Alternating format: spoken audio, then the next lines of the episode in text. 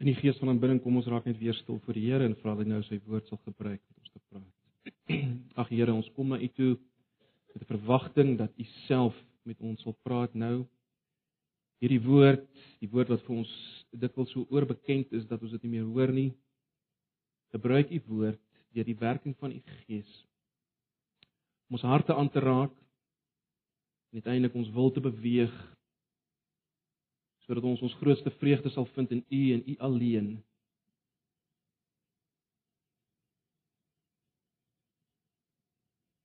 Dat ons U sal verheerlik deur ons grootste geluk in U te vind. Asseblief, Here. Kom praat met ons, kom werk met ons. Bid oggend vir elkeen wat nie hier kan wees nie, wat siek is, swak is, in moeilike tye gaan worstels 'n worstelstryd het geestelik. Ag Here, ons wil ook vra dat U met hulle in hierdie oggend sal wees, ook vir hulle sal oplig, Here Jesus. Bewus sal maak van U teenwoordigheid. U nabyheid, U medelee. U wat swaar kry beter ken as ons. Asseblief. Nou Here, ons stel onsself oop vir U. In Jesus se naam bid ons dit. Amen.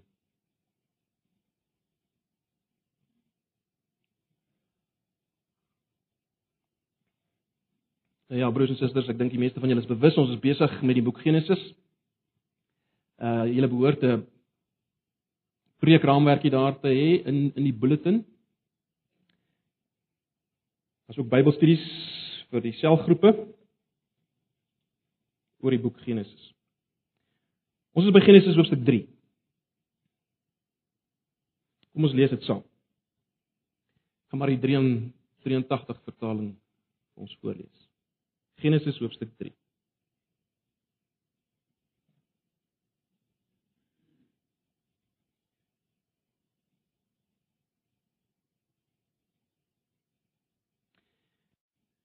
Die slang was listiger as al die wilde diere wat deur die Here God gem, uh, gemaak is en het vir die vrou gevra: "Het God werklik gesê jy mag van geen boom in die tuin eet nie?"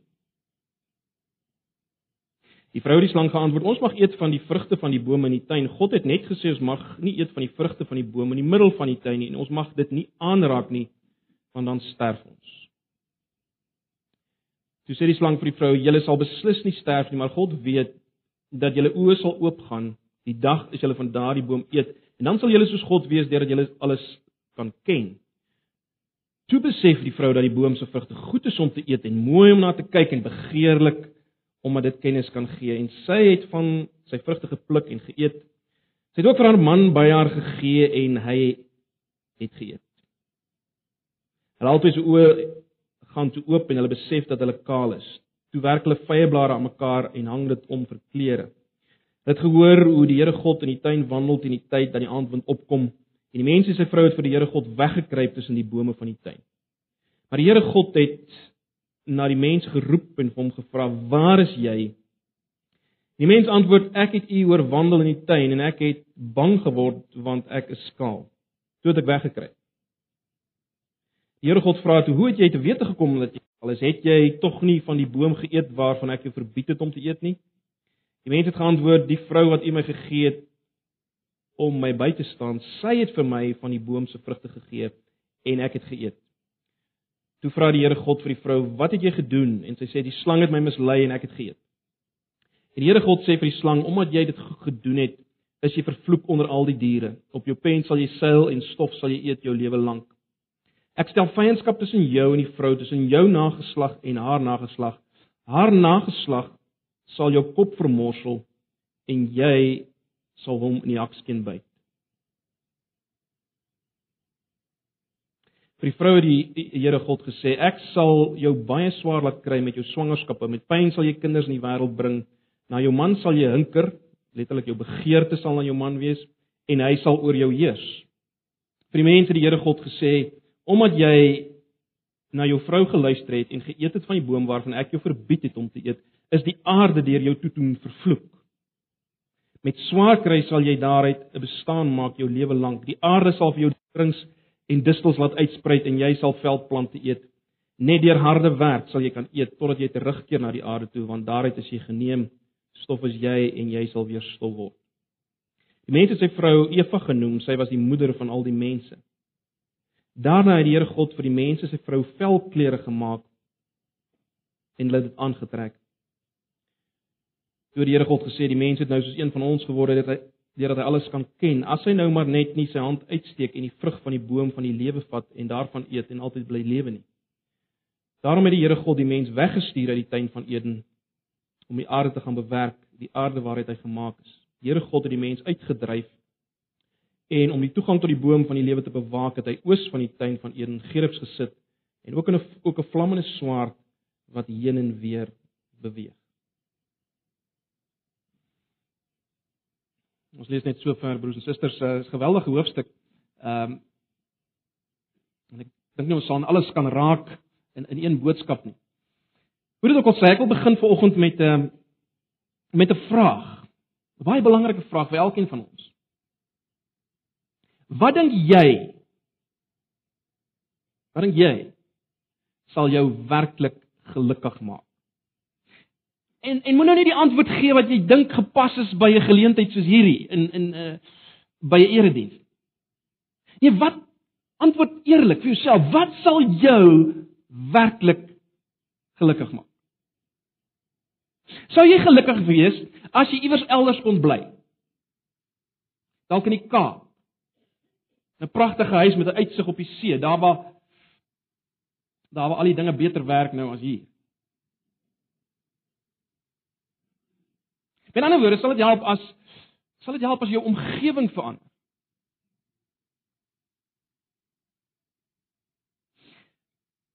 As jy dalk 'n ander werk gehad, sou jy gelukkig gewees het met beter ure en 'n groter inkomste. As jou vrou mooier was en meer liefdevol, jou man, as hy meer vol begrip was en meer sensitief, sou dit jou gelukkig gemaak. Jong mense wat hier is, as jy dalk 'n mooier liggaam gehad het, 'n mooier meisie, 'n mooier ou, sal dit jou gelukkig maak. Nou, met hierdie vrae in jou agterkop wil ek hê ons moet beweeg na Genesis 3. Hou maar net hierdie vrae so in die agterkop, ons gaan terugkom daarna. Ek wil hê ons moet begin kyk na Genesis hoofstuk 3. Nou, voordat ons insak in die hoofstuk, is daar noodsaaklike voorkennis wat ons moet hê. Uh eerstens baie vinnig, net die vraag Kan ons Genesis 3 ernstig opneem? Is dit regtig bedoel as geskiedenis? Dis baie snaakse goed wat gebeur. Ek wil nie lank hierop ingaan nie, net baie vinnig. Kyk net weer na Genesis 2 vers 4b. Of Genesis 2 vers 4. Kyk na Genesis 2 vers 4.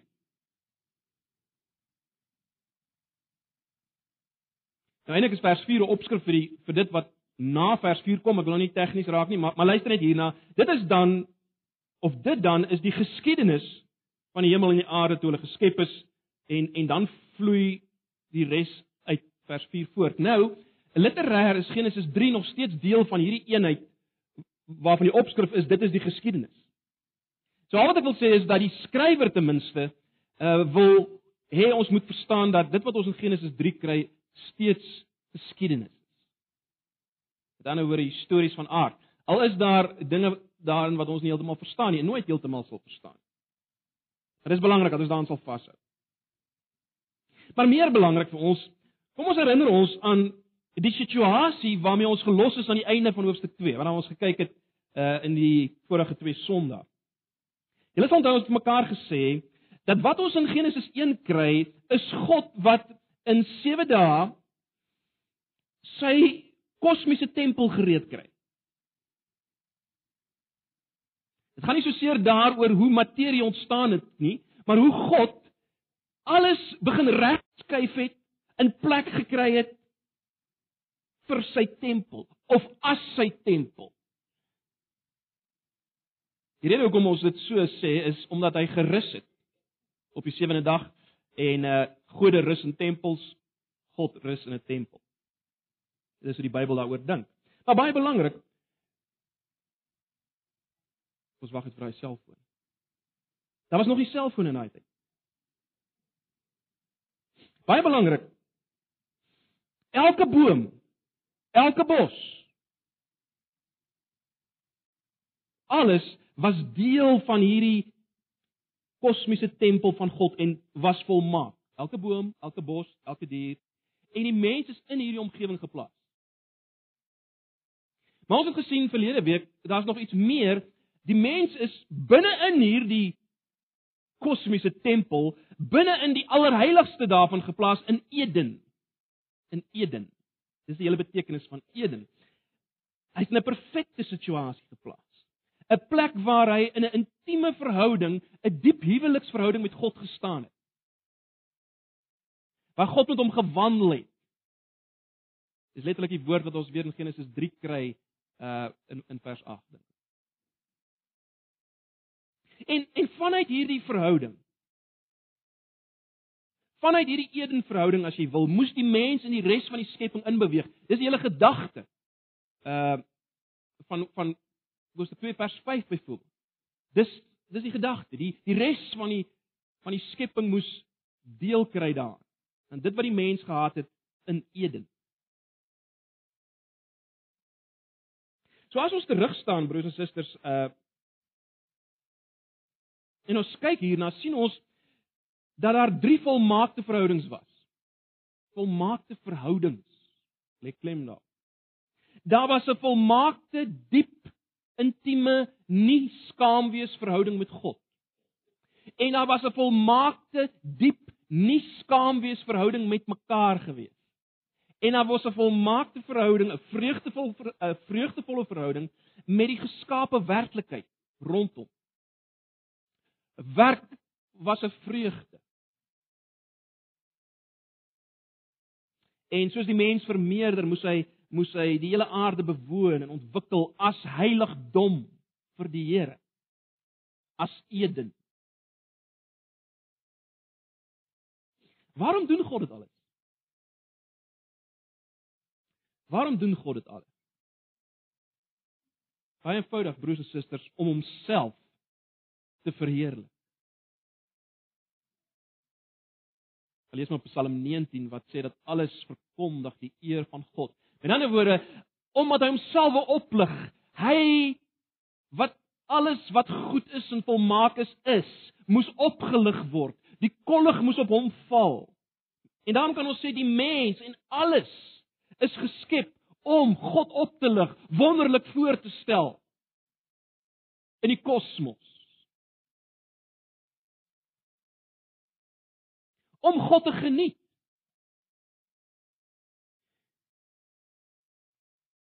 John Piper is lief om te sê die mens is gemaak om God te verheerlik deur hom te geniet. En dan oor deur geluk in hom te vind en om te geniet as die alles word God opgelig en verheerlik. So, alles wat God maak, insluitend die mens, is vir hierdie doel gemaak. En en dit was natuurlik die mens se grootste vreugde op. Dit is waarin sy grootste geluk lê, jou geluk lê.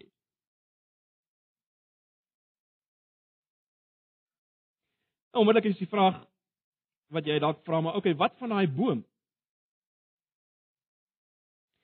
Ek dink ons kan dit sê broers en susters dat in die lig van alles wat God vir die mens gegee het, kan ons sê dat ongetwyfeld wou God gehad het dat die mens moes glo dat hy wat God is, die mens se beste belange op die aarde dra. Met ander woorde dat hy wat God is, alleen weet wat is goed vir die mens en nie goed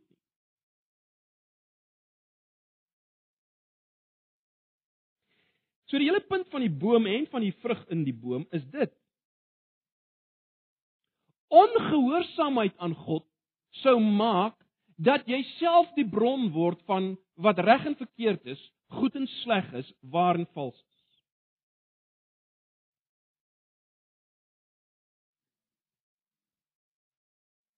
Onthou nou die die 1953 vertaling van die boom is die boom van die kennis van goed en kwaad, né? Nee dink die nuwe vertaling uh het dit het dit 'n bietjie meer vereenvoudig gestel. Maar dit is baie belangrik om dit raak te sien.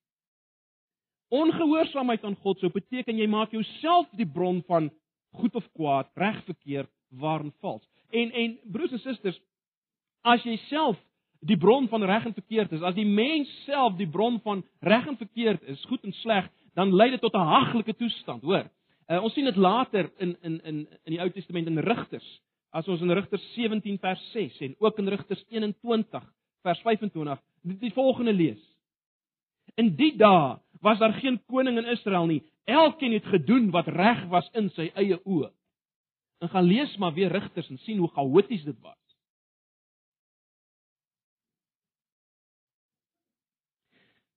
So die boom in die middel van die tuin en die vrugte daarvan het die mens konstant herinner aan die feit dat hulle leef deur gehoorsaamheid aan God se bevel, God se woord. Uh dit het hulle konstant herinner dat reg en verkeerd en daarom lewe alleen te vind is by God en deur gehoorsaamheid aan hom. En natuurlik is dit steeds so. Ons moet onsself steeds afvra wie wie is die outeur van reg of verkeerd? Ek of God? Baie baie belangrik. So die boom kan ons in kort sê was 'n herinnering aan God. Die boom was 'n herinnering aan God. Sy goedheid. Sy getrouheid. Dit het die mense herinner daaraan moenie van hom wegdraai en jou eie grootste vreugde verloor. Dis waarvoor die boom gestaan. Maar baie belangrik om om om dit net raak te sien dat wat ons met ander woorde vir mekaar sê is selfs die die verbod op die eet van hierdie boom was deel van die wonderlikheid, deel van die goedheid wat ons kry in Genesis 1 en 2. Broers en susters, wat 'n volmaakte verhouding. Alles wat is en beweeg deel van God se kosmiese tempel en die mens in die allerheiligste daarvan in 'n intieme verhouding met hom. Alles 'n vreugde. Dis wat ons skryf. Nou is die vraag onmiddellik maar hoe op aarde?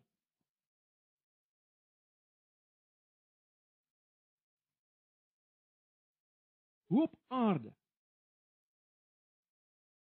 Het die wêreld wat ek en jy rondom ons sien gekom waar dit is gegee Genesis 1 en 2? Hoe op aarde? al die perfekte verhoudinge binne daardie kosmiese tempel. Hoe het dit gekom tot dit wat ons sien rondom ons? Gebroke verhoudings. En ons almal weet. Ha! Minagting van God. Raak my nie agtigheid teenoor God, vernietiging van die natuur rondom ons. Bemorsing van die skepping. Hoe het dit gekom tot daar? Wel, Genesis 3 is God se antwoord. Genesis 3 is die antwoord op die vraag hoekom lyk dinge soos dit lyk en is 'n waarskuwing. In die eerste plek 'n waarskuwing aan die eerste lesers Israel, uh dat hulle nou weer in 'n verbondsverhouding soos Adam en Eva met God staan, dat hulle moet pasop. Dat hulle nie die pad loop van Adam en Eva nie en 'n waarskuwing ook vir ons wat weer in 'n nuwe verhouding staan, verbondsverhouding staan. So dis wat ons kry in Genesis 3. Kom ons kyk na Genesis 3 onder basies 5 hoofde, as jy wil. In die eerste plek wil ek hê ons moet kyk na die aard van die versoeking tot sonde. Hoe dit gelyk? Wat was die aard daarvan? Nou, weer eens, mense kan baie dinge hier uitlig. Ek wil net twee dinge uitlig om dit baie eenvoudig te maak. Dit wat ons in vers 1 tot 5 sien is dit. In die eerste plek dat wat Satan ten diepste doen is om God se positiewe bevel, God se positiewe woord te verander na 'n negatiewe. Dis ten diepste wat in die eerste plek gebeur in hierdie versoeking. Met ander woorde, Satan wil die klem laat lê op die verlies van die goeie. Hy wil die klem laat lê op die verlies van die goeie. Uh as jy net weer kyk na Genesis 2 vers 16, wat God werklik gesê het. Kyk net weer na 2 vers 16.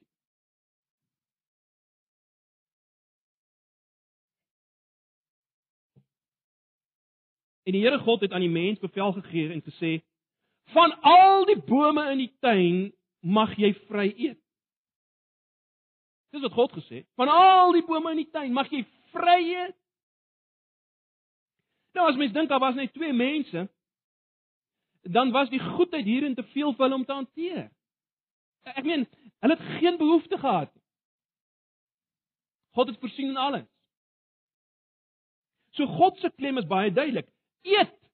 Kyk wat ek alles voorsien. Waar gaan julle? Eet. Satan subtiel verander die klem na die negatiewe.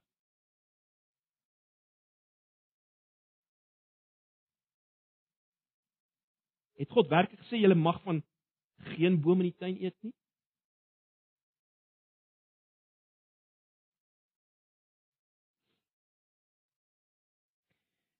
Kom ek gee 'n simpel voorbeeld. As jy klein kindertjies het of dalk nie so so klein kindertjies nie, uh en jy pak jou tafel vol allerlei eetgoed. Te kies en te keer. En jy sê vir hulle kyk van al hierdie goed op die tafel mag julle nou lekker eet. Uh moet net nie die yskas oopmaak en en en die die pudding wat ek aan die yskas gesit het eet nie want dis vir later. Wat gaan gebeur? Julle weet, hulle gaan juis die yskas oopmaak en die pudding. Jy sien, Satan of wat ek so stel, as Satan ons aandag kan kry op dit wat ons nie mag doen nie, dan sal ons dit verseker doen. Anders gestel, as jy begin fokus op wat jy nie mag doen nie, dan is dit baie moeilik om nie daai ding wat jy nie mag doen nie te doen nie. Maar die punt is, Satan vat God se positiewe woord en hy begin fokus op die negatiewe. 'n Tweede ding wat Satan doen is dit, Satan bevraagteken God se goedheid. Wat hy in effek hier sê in die versoeking is dit. Hy sê God hou iets goeds van julle weg.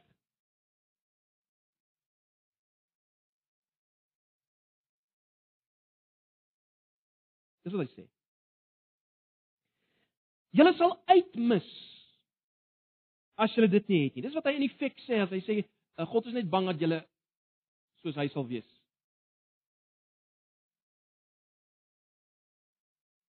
Julle sal uitmis. Julle sal nie julle volle potensiaal kan bereik nie. sien, God is nie regtig so goed nie, man. Julle sal nie julle volle potensiaal kan bereik nie. Hy wil eintlik daardie boom, luister mooi.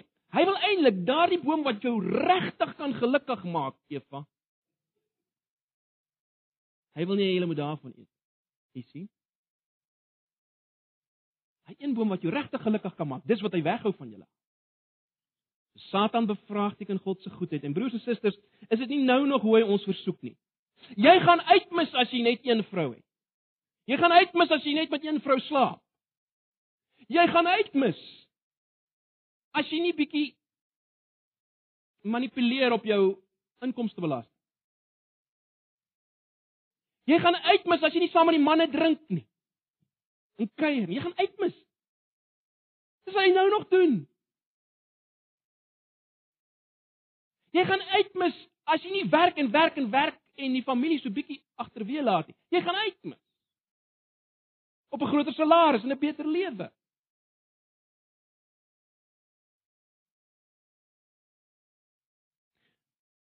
Ten diepste dan hierdie versoeking bevra Satan bevraagteken God se goedheid en eintlik daarmee ook God se almag. Met ander woorde, hy bevraagteken die feit dat God vir jou kan voorsien sonder dat jy jou eie plannetjies maak.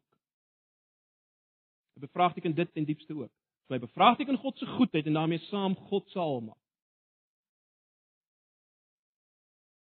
Baie belangrik om te sien broers en susters dat dat as jy ingee tot hierdie versoeking soos Adam, dan vernietig jy die heerlikheid van God waarin jou eie vreugde lê. Hoekom? Want deel van die heerlikheid van God is sy goedheid en as jy sy goedheid bevraagteken, dan vernietig jy sy heerlikheid waarin jou eie vreugde lê.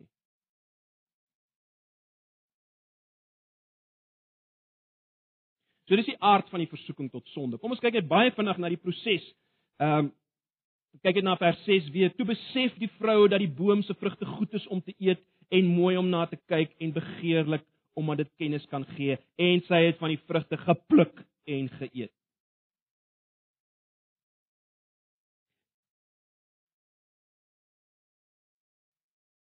In kort wat hier gebeur is dit. Hier is eers 'n verbeel 'n verbeel van hoe 'n lewe sal wees in ongehoorsaamheid aan God. Wonderlik dit sal wees. En dan lei dit tot die daad van ongehoorsaamheid self. So dit begin by 'n verbeelding van hoe wonderlik dit sal wees. Dit's nou nog so. En dan lei dit uiteindelik tot die daad van ongehoorsaamheid. Maar wat is die eintlike wesenskarakter van hierdie sonde? Wel, kom ek stel dit so. As Eva sê dit wat sy sê in vers 6 broers en susters, dan verwerp sy weer eens die doelwit van God vir alles, naamlik om hom te verheerlik en daarin jou eie grootste vreugde te vind. Om dit eenvoudig te stel, wat sê sy per definisie? Of laat ek dit so stel, wat sê sonde eintlik? Kom ons stel dit so. Wat sê sonde in werklikheid? Wel sonde sê ek het God nie nodig om gelukkig te wees nie. Ek het God nie nodig om gelukkig te wees nie. Ek kan geluk iewers anders kry. En is nou nog so. Dis wat sonde vir jou sê. Jy kan geluk iewers anders kry as by God. Wat dit ook al mag wees. Buiteegtelike verhouding. Drank. Maak nie saak wat dit is.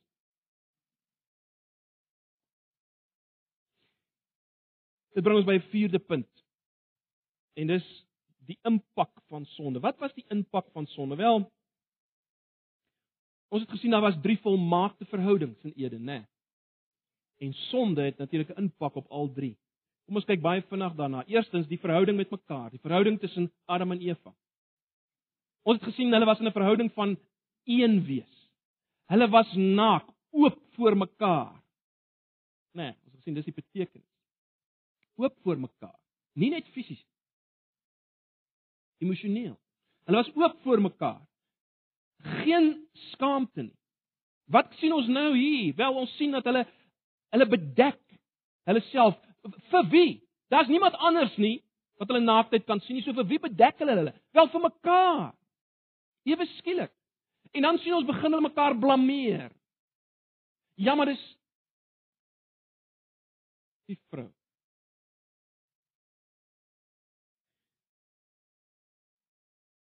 Hulle kruip weg, blameer mekaar. Dis wat oorbly. Kyk na vers 16. Vir die vrou het die Here God gesê ek sal jou baie swaar laat kry met jou swangerskap en met pyn sal jy kinders in die wêreld bring. Na jou man sal jou begeerte wees letterlik, sal jy hinker, die woord is daar jou begeerte wees en hy sal oor jou heers. Nou, Eva is geskep as hulp vir die man as jy wil, Eva is geskep juis om 'n familie te verskaf. En nou sou haar grootste pyn juis daarin lê. Ek dink die klem is nie net hier op die proses van geboorte gee nie, definitief ook, maar waarskynlik op die hele proses van kinders grootmaak waarin sy pyn sou hê. Dis die gevolg van sonde.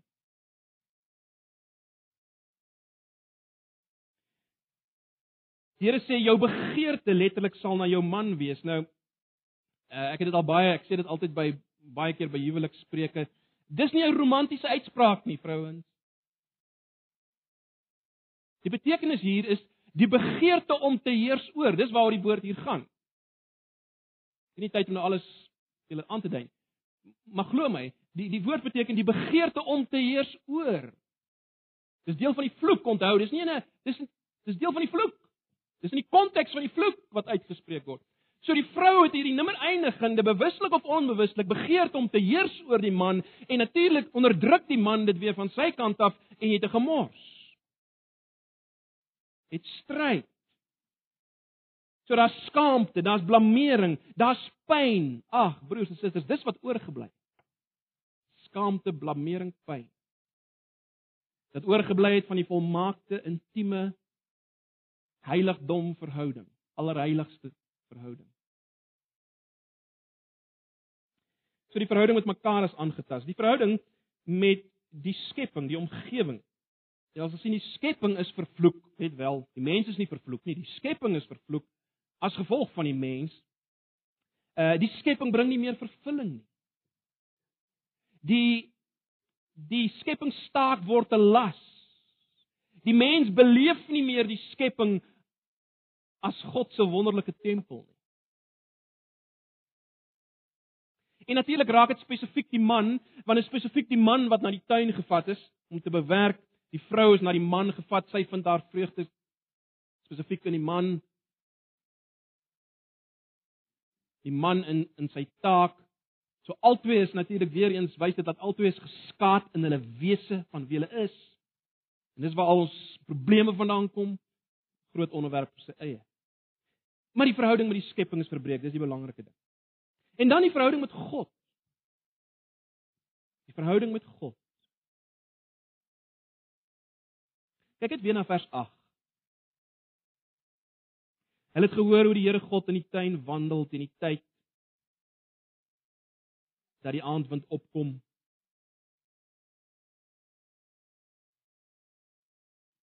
En die mense se vrou het vir die Here God weggekruip tussen die bome van die tuin. 'n Mens kan jou voorstel by vorige geleenthede as God gewandel het in die tuin, het die mens na God gehardloop. Na God gehardloop. Met vreugde, dis geweldig. Geen skaamte voor die heilige God, die Skepper nie. En nou Dis daar vrees. Vrees en skaamte, kruip weg vir God. Dis wat sonde gedoen het broers en susters. En dis die situasie waarmee ons nou nog sit, is dit nie? Maar die punt is hulle kruip weg vir God. Hulle hulle is, skaam vir hom. Dis geweldig, laat my sien in vers 9 die God roep nog steeds na die mens. Nie hulle vers 9, maar die Here God het na die mens geroep en vir hom gesê: "Waar is jy?" En weet julle wat is fascinerende? Die mens blameer God vir sy situasie. Kyk net na vers 12 byvoorbeeld. Die mens het geantwoord: "Die vrou wat U my gegee het om by my te staan, Sy het my van die boom van sy vrugte gegee en ek het geëet. As 'n blameering van God. So die verhouding van wandel, openheid met God, intieme een wees, huweliksverhouding met God in die allerheiligste van die tempel, het verander in 'n vrees, 'n wegkruip, 'n blameering van God. Dis waarmee ons sit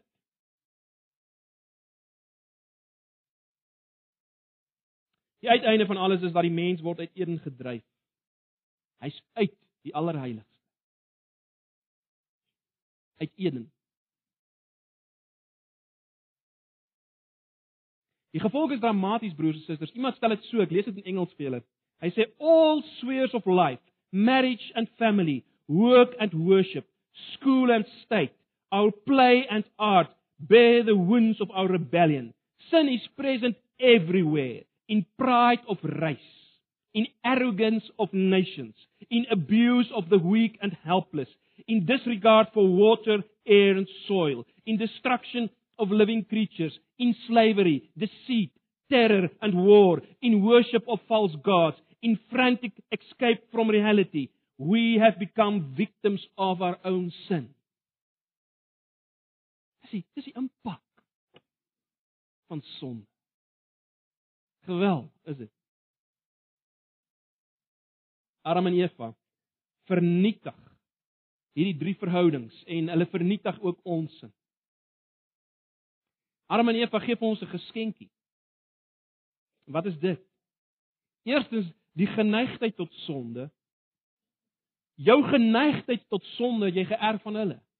En dan in die tweede plek die skuld van sonde. Broers en susters, of as dit wil weet of nie, Adam het ons verteenwoordig. Hy het ons verteenwoordig. Ons dra sy skuld. Al het jy niks gedoen nie, is jy steeds doemwaardig want jy dra Adam se skuld. En natuurlik voeg ons as gevolg van ons geneigtheid tot sonde, voeg ons by by Adam se skuld en dit word al meer en meer en meer. Broers en susters, ons toestand is haglik. Hopeloos.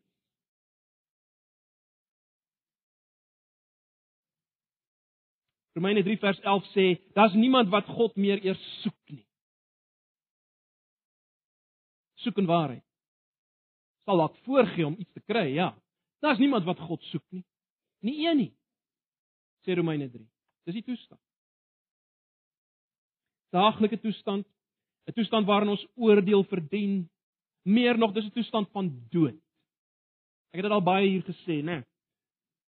God sê vir die mens, die dag as jy van die vrug eet, sal jy sterf. En dan eet die mens en wat sien ons? Die mens val nie fisies om nie, maar daar's 'n reuse verskil tussen dit wat gebeur het voor hulle die vrug geëet het en na hulle die vrug geëet het. En ons het nou dit gesien. En wat is dit in diepste? Wel, in diepste was daar hierdie volmaakte verhoudings met God en mekaar in die omgewing voor die eet. Na die eet is alles vernietig. So wat is dood? Volgens God Dood is om uit verhouding met God en mekaar te wees. En dis ons toestand, geestelik dood. Dood uit God se perspektief. Maar dank God, dis nie die einde nie. Dis nie die einde nie. En dit bring ons by by 'n laaste punt, 'n vyfde punt. God se genade wat ons hier sien. Plaas jy vir jouself, plaas jouself vir 'n oomblik in Adam en Eva se posisie. Wat sou God nou doen? Sou God sy gesig na na ons draai in liefde of in in haat en verwerping? Ons verdien haat en verwerping. Wat sou God doen? Maar kom ons kyk. Kyk aan vers 15.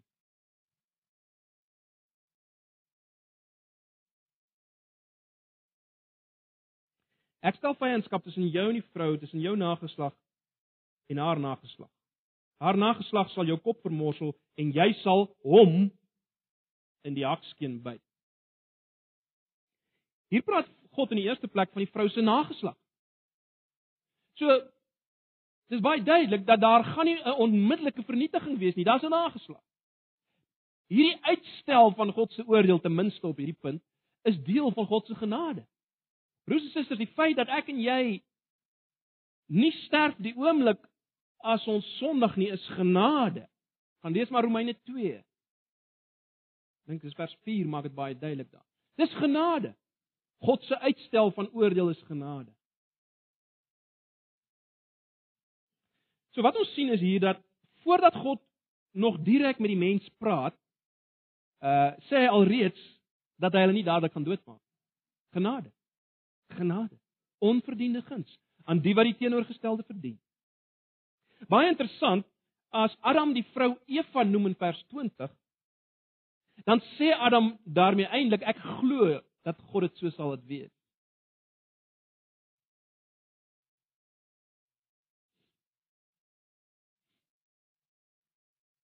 Dat sy die moeder van van alle mense sal wees. Maar goed, daar's meer Daar's meer as die belofte van kinders, meervoud, né? Nee. Daar is die belofte baie duidelik van 'n kind. Kyk 'n bietjie mooi weer na vers 15. Selfs in die 83 vertaling sien jy dit raak. Ek stel vyandskap tussen jou en die vrou tussen jou nageslag meervoud en haar nageslag, so jy kan dit as meervoud interpreteer. Haar nageslag sal jou kop vermorsel, maar dan sien jy en jy sal hom enkelvoud in die in die hakskien by. So daar's nie net sprake van 'n nageslag meervoud kinders nie, maar daar's sprake van 'n kind. En jy sal hom enkelvoud in die hakskien by. Baie van uh, baie vinnig wie wie is die wie is die die slang? Wel, kyk net vinnig na Openbaring 12 vers 9. Daar's dit eksplisiet.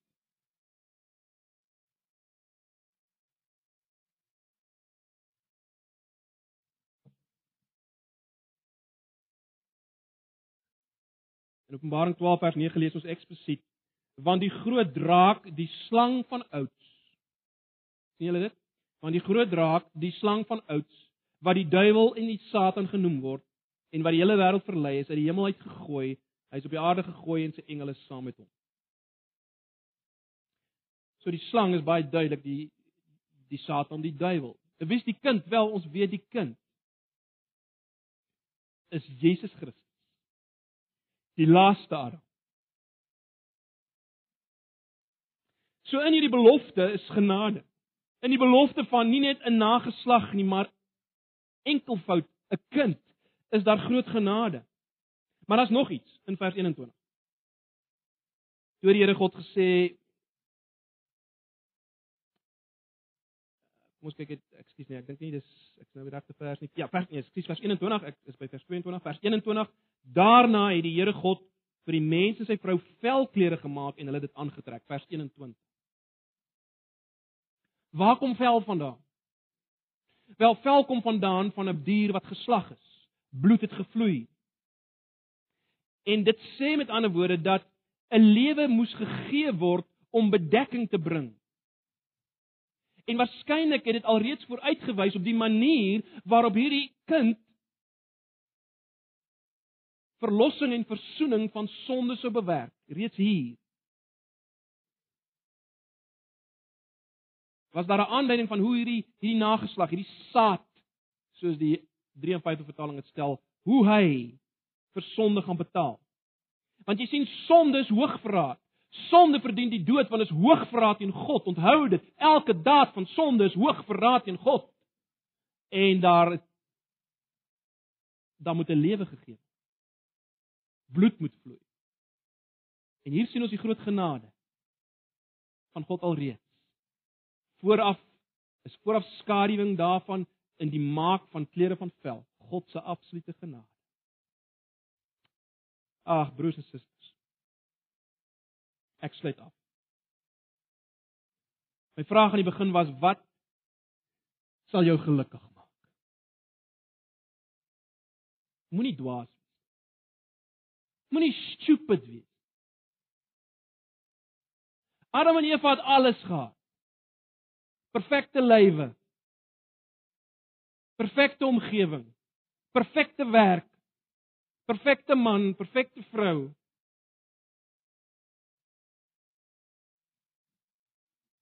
En dit het nie gewerk.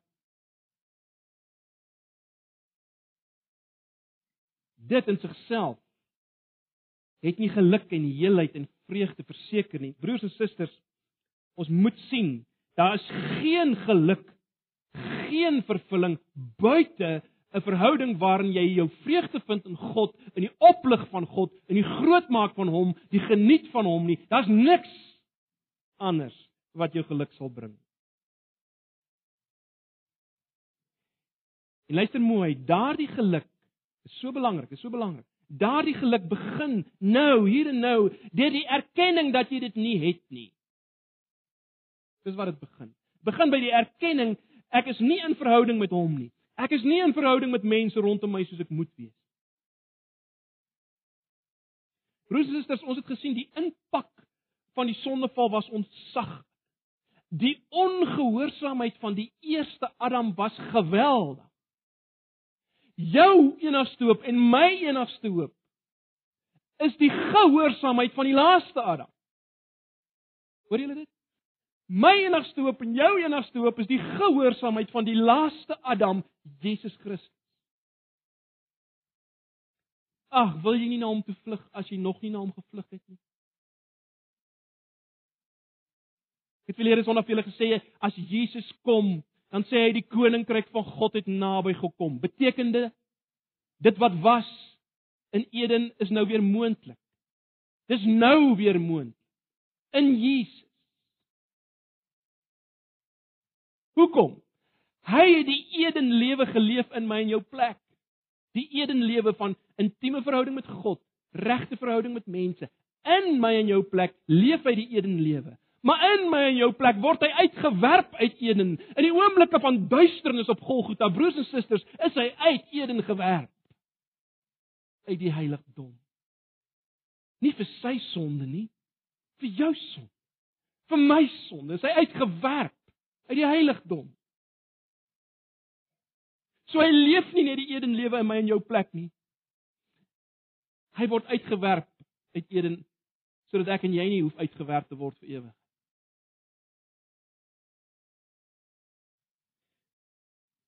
Ons het verlede Sondag gesien as hy sterf op Golgotha, dan skeur die voorhangsel. Simbolies daarvan dat dit nou moontlik is om in te gaan in die allerheiligste, die heiligdom van God. Ek en jy kan nou elke oomblik deur die Gees wat in ons is in God se heiligdom leef. Totdat hy weer kom en hierdie geloofslewe oorgaan weer tot sig fisies saam met God in die heiligdom.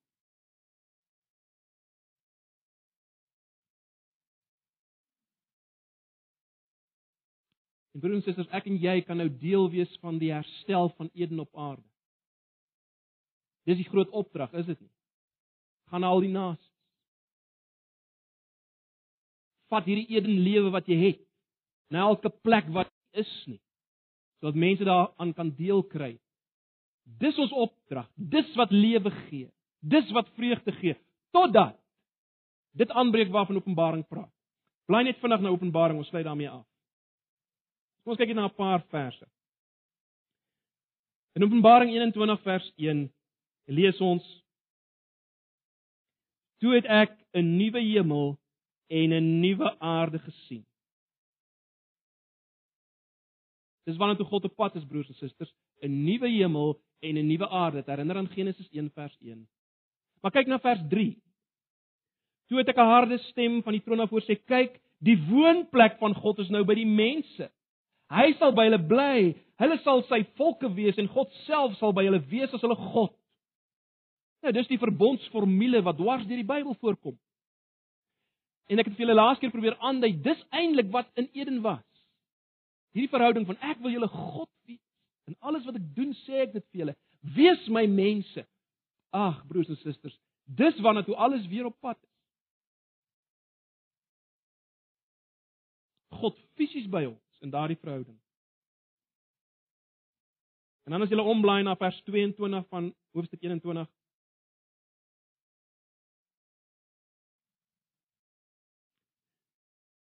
'n tempel het ek nie in die stad gesien nie want sy tempel is die Here God die almagtige en die lam die stad het nie die son en die maan nodig om te verlig nie want die heerlikheid van God het hom verlig en die lam is sy lamp En dan het hoofstuk 22 vanaf vers 1. Toe het die engel my die rivier met die water van die lewe gewys. Dit is helder soos kristal en dit stroom uit die troon van God. Die troon van God staan natuurlik vir die absolute allerheiligste, dit wat wat God is. Dis hoekom ons gesê het Eden wys na die allerheiligste omdat daar water uitvloei. Maar goed.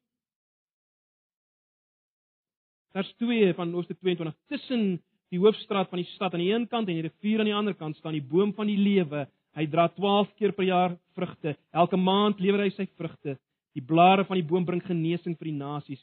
Daar sal niks meer wees wat deur God vervloek is nie. Die troon van God en van die Lam sal in die stad wees en sy dienaars sal hom dien. Hulle sal hom sien en sy naam sal op hulle voorkoppe wees. Daar sal nie meer nag wees nie. Die mense het nie die lig van die lamp en die lig van die son nodig nie omdat die Here God hulle sal verlig en hulle sal tot in ewigheid regeer.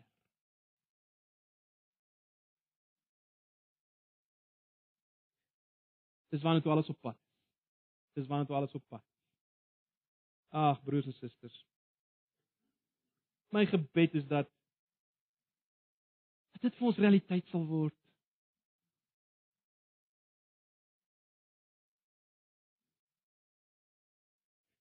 Genesis 1 tot 3 gee vir ons die lewe. Dit wat was. Dit wat verkeerd geloop het. En dit wys ons wanneer ons op pad. Ag, mag die Here ons help dat ons dit sal omhels met alles wat ons het. Tot eer van sy naam. Amen. Kom ons bid saam.